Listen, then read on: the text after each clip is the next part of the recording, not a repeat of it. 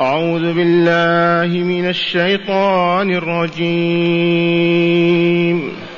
وإذ قال إبراهيم لأبيه آزر تتخذ أصناما آلهة؟ إني أراك وقومك في ضلال مبين. وكذلك نري إبراهيم ملكوت السماوات والأرض وليكون من الموقنين. فلما جن عليه الليل رأى كوكبا قال هذا ربي فلما أفل قال لا أحب الآفلين. فلما رأى القمر بازغا قال هذا ربي. فلما أفل قال لئن لم يهدني ربي لأكونن. لأكونن من القوم الضالين.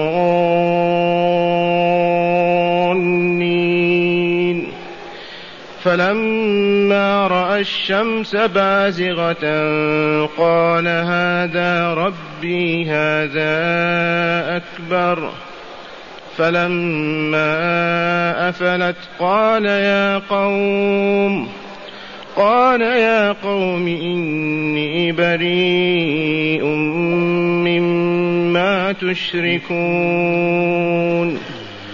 إني وجهت وجهي للذي فطر السماوات والأرض حنيفا حنيفا وما أنا من المشركين. معاشر المستمعين والمستمعات من المؤمنين والمؤمنات.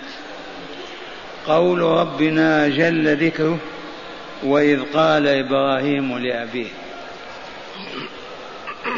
يقول تعالى لرسوله ومصطفاه نبينا محمد صلى الله عليه وسلم أذكر لقومك العادلين عن الله العابدين غير الله من الأصنام يعني المشركين في مكة. اذكر لهم الحادثة التالية ليتعظوا ويعتبروا. ما هي؟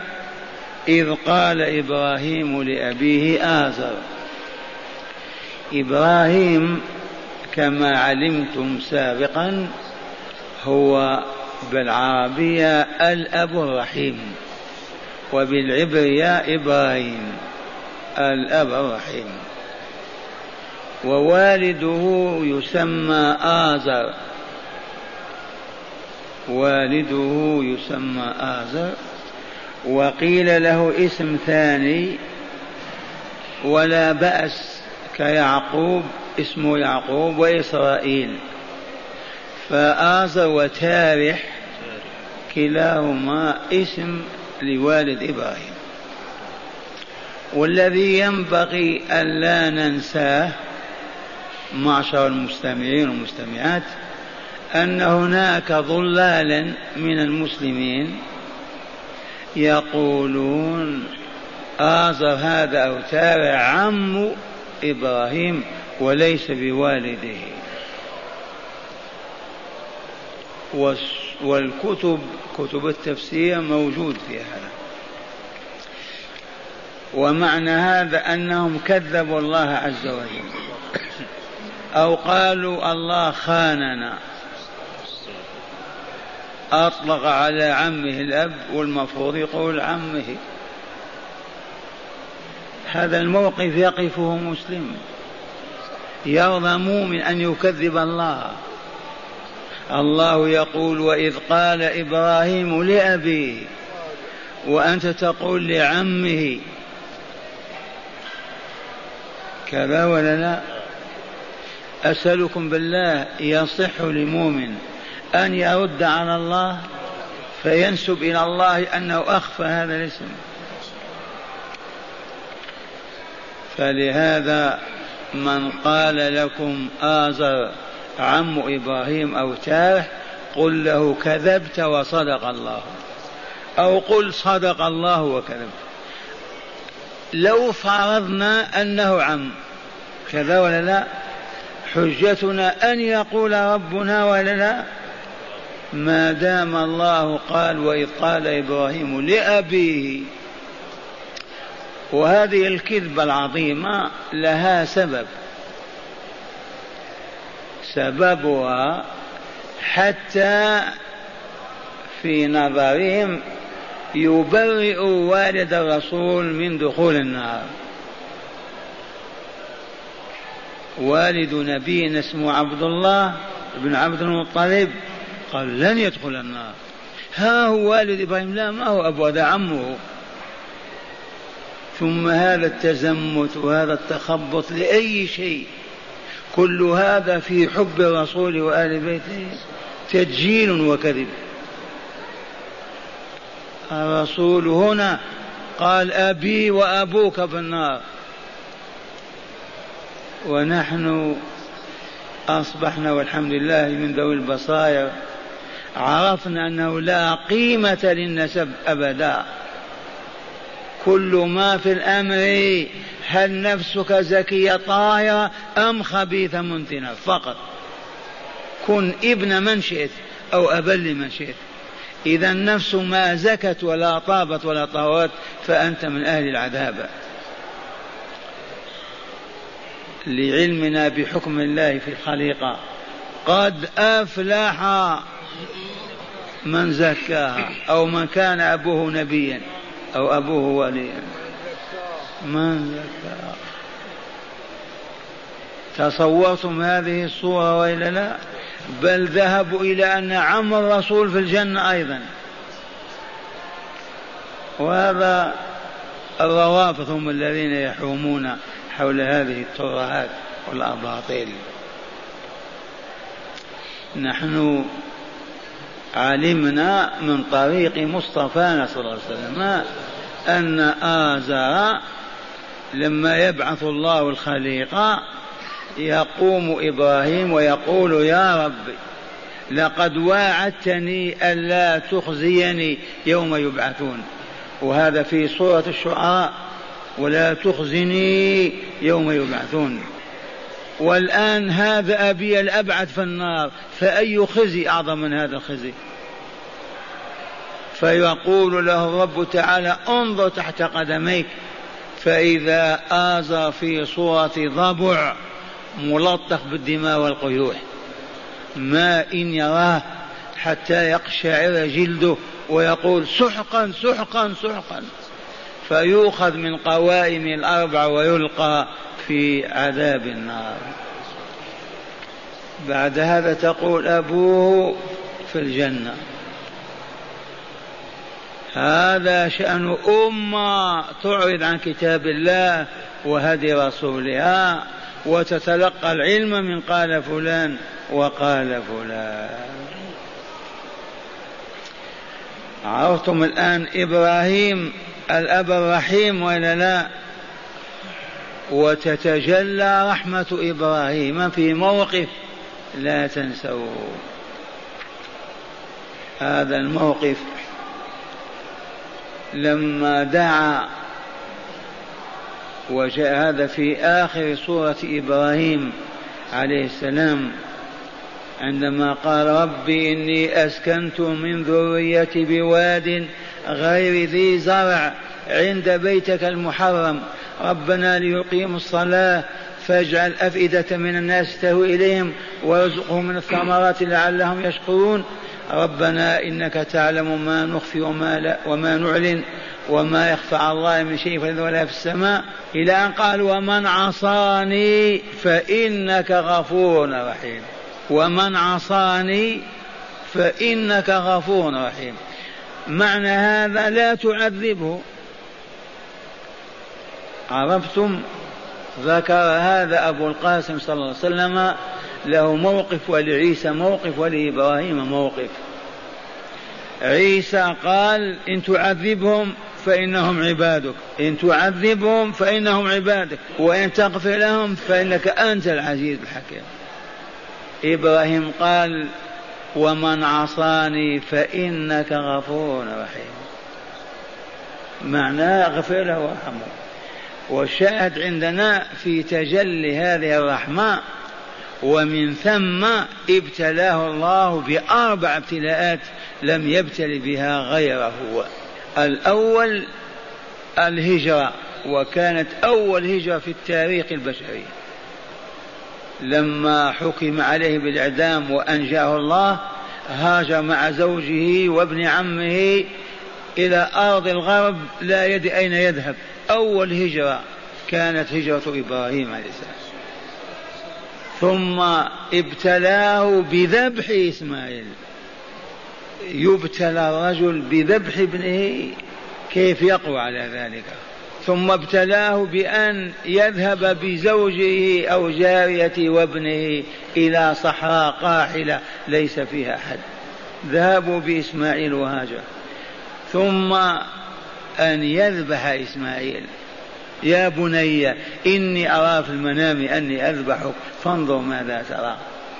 وبالفعل طيبته أمه وطهرته وأخذه إلى منى وصرعه على الأرض والمدي في يده ولما هم نودي أن يترك إسماعيل وخذ هذا الفداء العظيم وفديناه بذبح عظيم. وإذ قال إبراهيم لأبيه آزر ماذا قال له؟ منكرا عليه مؤدبا له أتتخذ أصناما آلهة؟ أتتخذ أصناما آلهة تعبدها؟ هذا الاستفهام للإنكار وعدم الرضا بصنيع والده كيف تتخذ أصناما آلهة تعبدها؟ إني أراك وقومك يا آزر في ضلال مبين. فسجل له ولقومه أنهم في ضلال واضح بين.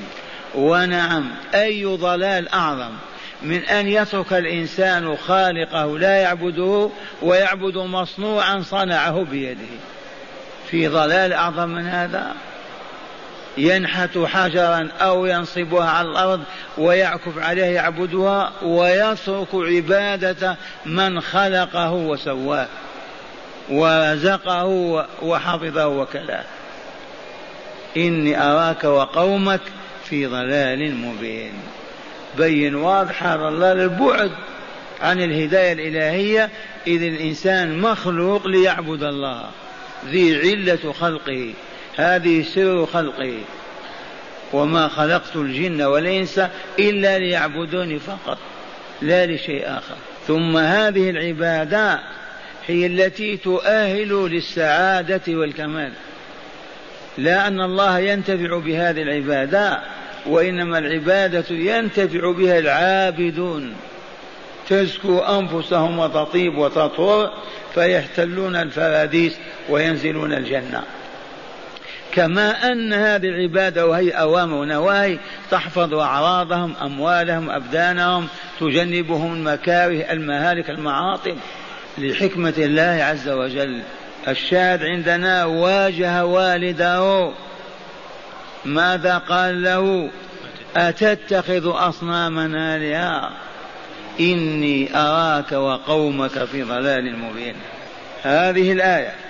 وبعدها قال تعالى وكذلك نري إبراهيم ملكوت السماوات والأرض وليكون من الموقنين.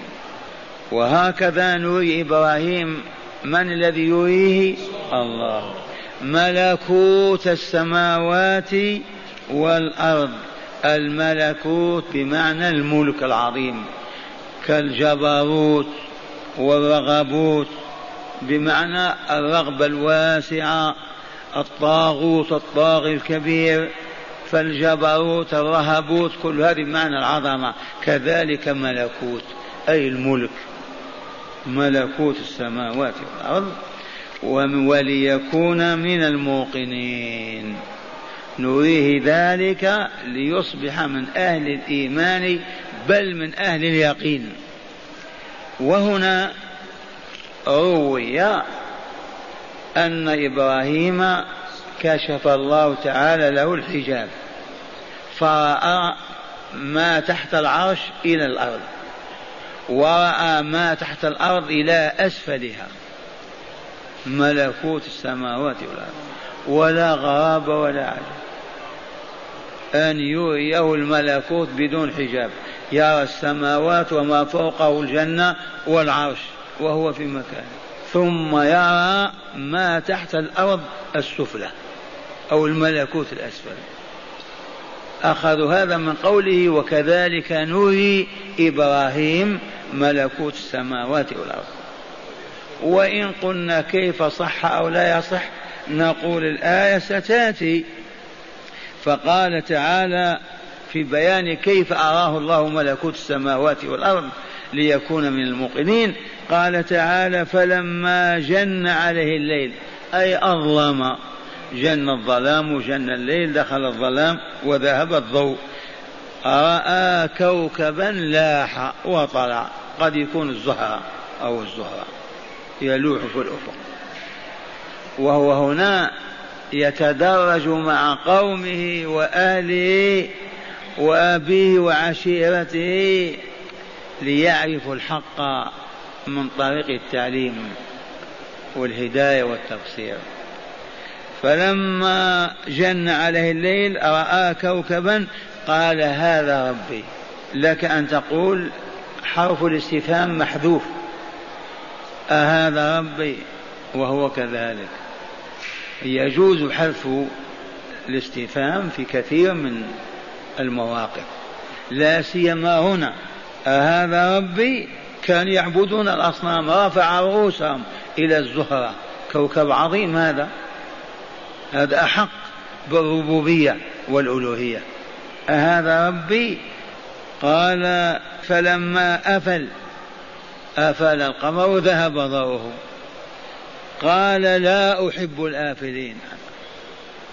لا أحب الآفلين. ولا ننسى أن الكلدانيين قوم إبراهيم وهم بديار البابل والعراق كانوا صابئة يعبدون الكواكب ثم صنعوا لتلك الكواكب أصناما تماثيل. فيتمسحون بها ويتقربون وهم يعبدون في الواقع الكواكب. ولهذا فهم ليسوا ملاحدة لا يؤمنون بالله بل يؤمنون بالله ويتوسلون إليه بهذه الكواكب والأصنام وهذه الحقيقة قررناها مئات المرات كلمة لا إله والحياة مادة. هذه كذبة يهودية. نسج اليهود خيوطها وقدموها روسيا ونهض بها ليلين وستالين وزعمائهم ونافوا وجود الله. قبل هذه لم تكن البشرية تنكر وجود الله. أبدا. وإنما ما يعرفونه فيتوسلون إليه بهذه الأصنام والكواكب وما إلى ذلك. خالق هذا الكوكب أنا أعبده. إذا فلنستمع. فلما جن عليه الليل رأى كوكبا؟ قال هذا ربي. لا يعني أنه حق ربه ولكن على حذف الاستفهام هذا ربي؟ فلما أفل قال لا أحب الآفلين. ما دام ذهب وتركني كيف أعبده؟ لن يكون ربي هذا. قال فلما رأى القمر بازغا طلع القمر لا صعد فلما رأى القمر بازغا قال هذا ربي. لأن الكوكب اضمحل وتلاشى وذهب. القمر لاح وبزغ. قال هذا ربي. أي هذا ربي؟ فلما أفل القمر أيضا ذهب وزال قال لئن لم يهدني ربي لأكونن من القوم الضالين. الجماعة اللي يسمعون كلامهم معه يتعجبون. كأنه طالب الهداية يبحث. وهو واجب كل إنسان أن يبحث عن ربي حتى يعرفه. هذا أسلوب حكيم. فلما أفل القمر قال إذا لئن لم يهديني ربي إليه لأكونن من القوم الضالين بدليل أن القمر أين القمر؟ أفل غاب أمره. ثم فلما رأى الشمس بازغة والشمس بزوغها عظيم قال هذا ربي هذا أكبر أي من القمر ومن الكوكب. يستدرجهم حتى يقفوا على الحقيقة. هذا ربي هذا أكبر. فلما أفلت غابت غربت الشمس غابت قال يا قومي إني بريء مما تشركون. يا قوم إني بريء والبراءة البعد الكامل. مما تشركون. إني وجهت وجهي للذي فطر السماوات والأرض حنيفا وما أنا من المشركين. يا قوم إني بريء مما تشركون من هذه الآلهة سواء كانت كواكب في السماء سواء كان القمر أو الشمس. في اليمن كانت تعبد الشعر. وجاء في القرآن رب الشعر كوكب معروف. لأن الإنسان إذا فقد البيان والهادي الذي يهديه يتخبط والشياطين تحسن له من من يعبد الشمس القمر الكوكب الفلاني عبدوا دون ذلك من المخلوقات. أما صنع التماثيل فهي لتمثل فقط ما يعبدونه في السماء ولهذا تسمى تمثالا. لا أنه هو الإله المعبود.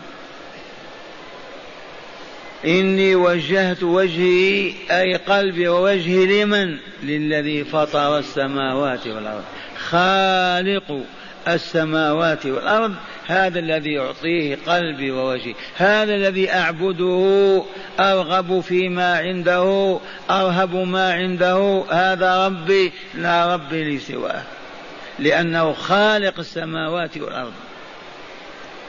وقول حنيفا أي مائل عن كل هذه الأصنام والتماثيل العبادات الباطلة إلى عبادة الله وحده. حنيفا مائل من الحنف الميل عن كل هذه الآلهة الباطلة إلى رب عز وجل. وما أنا من المشركين تبرأ براءة كاملة. لا صلة لي بالمشركين لا أعرفهم ولا أمشي وراهم ولا أحبهم ولا أتعامل معهم. لأنهم أشركوا هذه الأصنام في عبادة ربهم فعبدوها معه. هيا نستمع إلى شرح هذه الآيات في الكتاب.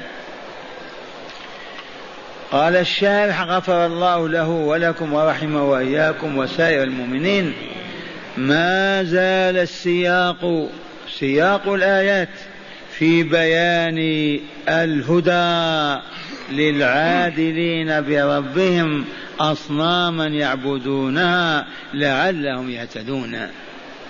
ما زال السياق سياق الآيات التي يتبع بعضها بعضا ما زال في, في بيان الهدى والطريق المستقيم لمن للعادلين بربهم. عدلوا بربهم ماذا؟ أصناما وآلهة. سووها مثل الله وعبدوها.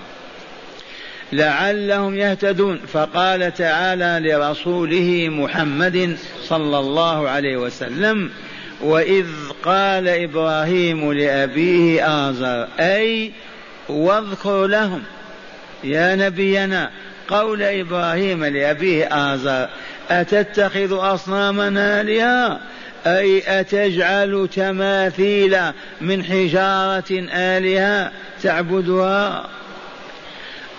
آلهة أربابا تعبدها أنت وقومك؟ إني أراك يا ابت وقومك في ضلال مبين. في ضلال مبين عن طريق الحق الذي ينجو ويفلح سالكه هذا ما دلت عليه الآية الأولى. أما الثانية فإن الله تعالى يقول وكذلك نري إبراهيم ملكوت السماوات والأرض أي كما أريناه الحق كما أريناه الحق. في بطلان عبادة أبيه للأصنام نريه أيضا مظاهر قدرتنا وعلمنا وحكمنا الموجب لألوهيتنا في مال في ملك السماوات والأرض. مرة ثانية. قال كما أريناه الحق في بطلان عبادة أبيه للأصنام. نريه أيضا. ماذا؟ مظاهر قدرتنا التي تتجلى فيها في الملكوت. مظاهر قدرتنا وعلمنا وحكمتنا الموجبة لألوهيتنا. لأن الله عليم حكيم وحكمته لا يخلو منها شيء. ما من ذرة إلا وخلقها وإيجادها لحكمة. إذا نريه أيضا مظاهر قدرتنا وعلمنا وحكمتنا الموجبة لألوهيتنا في ملك السماوات والأرض. أي نريه الآيات في ملك السماوات والأرض. ليكون بذلك من جملة الموقنين. قال واليقين من أعلى مراتب الإيمان. الإيمان إيمان واليقين يقين واليقين أعلى من الإيمان. لترونها عين اليقين. مؤمن وموقن نعم مؤمن غير موقن مريض. قد يهلك في الطريق. اليقين.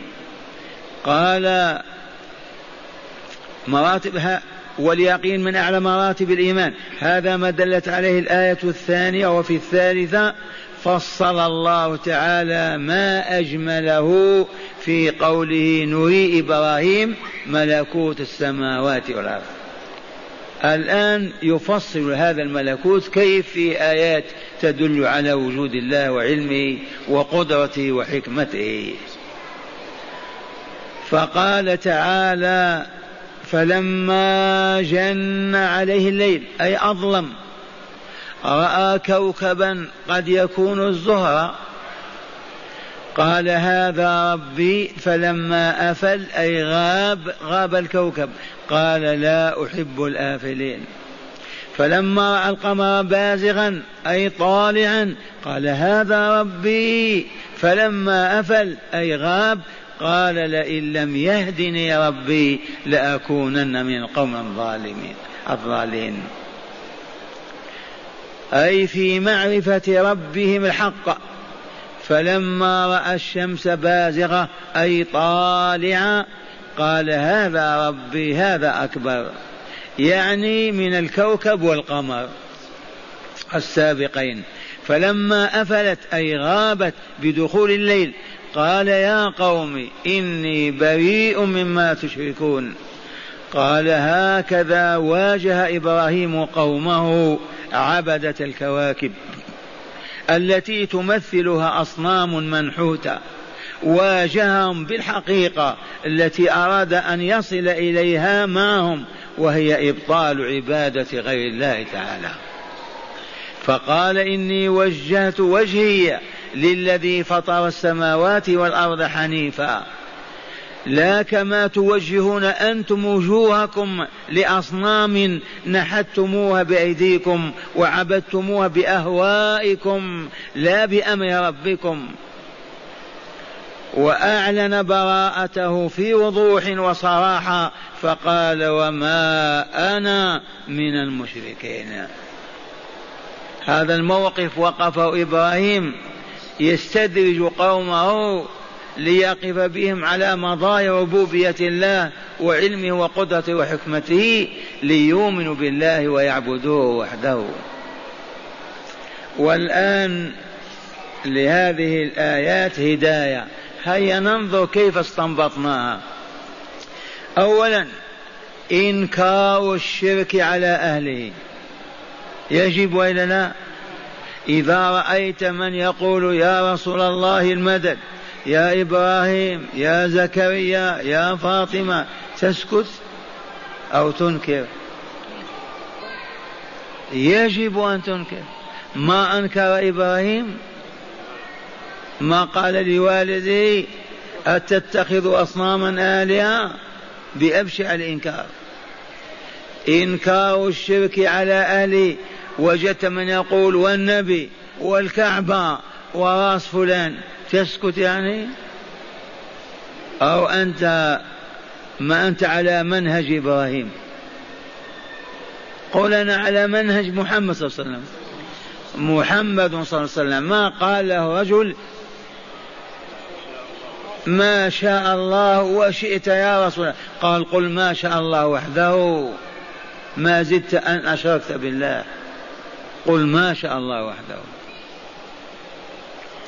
إذا من هذه الآية فيها هدايات منها إنكار الشرك على أهله وعدم إقرارهم ولو كانوا أقرب الناس إليك. إبراهيم أنكر على والده ولا لا؟ ما تقول هذا أبي أنا ما أزعجه أو هذه أمي ما نغضبها. إذا رأيت من يشرك بربك غيره يجب أن تنكر عليه وتصبر لذلك. لكن ليس بالهراوة والسب والشتم. إبراهيم رفع العصا على والديه قال له يا مجنون يا أحمق يا كذا. ما قال. أبدا. ولكن بالمنطق السليم إني أراك وقومك في ضلال مبين. ثانيا فضل الله تعالى وتفضله على من يشاء بالهداية الموصلة إلى أعلى درجاتها. فضل الله من أين أخذنا هذا؟ وكذلك نري إبراهيم ملكوت السماوات والأرض وليكون من الموقنين. من وصل به إلى هذا المستوى؟ الله عز وجل. فإذا أراد الله لك ذلك أخذ بيدك وإذا بك تتنقل في الكون وتشاهد آيات الله وتصبح أكبر الناس إيمانا وأكثرهم يقينا. ثالثا مطلب اليقين وأنه من أشرف المطالب وأعزها. اليقين أعظم من الإيمان وإلا لن يكون يقين إلا بعد أن يوجد إيمان. فإذا قوي الإيمان انتقل إلى يقين. تصبح كأنك ترى الله عز وجل. مطلب اليقين وأنه من أشرف المطالب وأعزها ويتم بالتفكر والنظر في الآيات. فلهذا قال العلماء عندنا كتابان. كتاب الله إن أنت قرأت وتدبرت منه الآيات لا تلبث حتى تصبح موقنا. أعظم يقين. كما قدمنا هذا كلام من؟ ما في من قال كلام موسى وعيسى وإبراهيم أو الصديق فلان. البشرية كلها طأطت رأسها هذا كلام الله. الله موجود. هذا الكلام حكم علوم معارف. إذا منزل عليم حكيم. وهكذا تتدرج في الآيات آية بعد آية. وإيمانك يرتفع حتى تصل إلى اليقين. فتقول بالله الذي لا إله غيره إن هذا لكلام الله. وأنه لا إله إلا الله. وهكذا تبلغ درجة اليقين. ثانيا كتاب الكون. تخرج فقط من بيتك وانظر إلى السماء. من رفعها؟ هذه الكواكب من نثرها فيها؟ الكواكب من أضاءها هذا الكوكب النهار الشمس كيف؟ هذا كوكب الليل كذا وانظر إلى الأرض هذه الجبال من رساها من جمع غبراتها وذراتها؟ كيف كيف؟ انظر إليك أنت. ما أنت؟ أنت. كيف أنت تسمع؟ كيف تبصر؟ كيف كذا؟ وحينها تقول لا إله إلا الله آمنت بالله فيصبح إيمانك يقينا. ثالثا قلنا مطلب اليقين. ينبغي أن نطلب اليقين ولا لا ليل نهارا وأنه من أشرف المطالب ما هو كطلب المال والدنيا وأعزها ويتم ويحصل عليه العبد بالتفكر والنظر فيما في الآيات. الآية العجيبة أنا كل يوم مندهش نخرج من المسجد نجد هذا الخليط من الناس شرقي وغربي عربي عجمي ألوان كذا. ما تجد اثنين لون واحد. عجب هذا وإلا لا؟ كيف يصنع هذا؟ الآن قف في الحلقة وانظر ما تجد اثنين شكلهما واحد لا يميز بينهما. بل البشرية كلها في صعيد واحد لن تجد اثنين لا يفرق بينهما. أي علم أعظم من هذا؟ أية قدرة أجل من هذا؟ أية حكمة أعظم من هذه الحكمة؟ كيف يعبد مع الله غيره؟ قولوا آمنا بالله. لكن العميان ما ينظرون حتى إلى أنفسهم. ما يأكل ويشرب ما يسأل كيف. قال رابعا الاستدلال بالحدوث على وجود الصانع الحكيم وهو الله عز وجل. من أين أخذنا هذه الهداية؟ فلما جن عليه الليل رأى كوكبا رأى القمر رأى الشمس استدل بالحدوث على وجود المحدث وإلا لا؟ استدل بالوجود على وجود الذي أوجد ألا وهو الصانع الحكيم الله عز وجل. خامسا سنة التدرج في التربية والتعليم. كيف هذه؟ سنة التدرج في التربية والتعليم. وهذه السنة فرطنا فيها. تباتم لا بد من التدرج درجة درجة درجة أن تصل إلى القمة. ما هو في يوم واحد تعلم العلوم كلها. سنة التدرج في التربية والتعليم سادسا وجوب البراء من الشرك وأهله. منين هذا أخذنا؟ قال يا قوم إني بريء مما تشركون. تبرأ منهم ولا لا؟ وهذا يجب علينا أو لا يجب؟ يجب علينا ولو كان المشركون آباءنا وأمهاتنا. فكيف نقرر الكفار والمشركين على الشرك ونرضى به ونسكت؟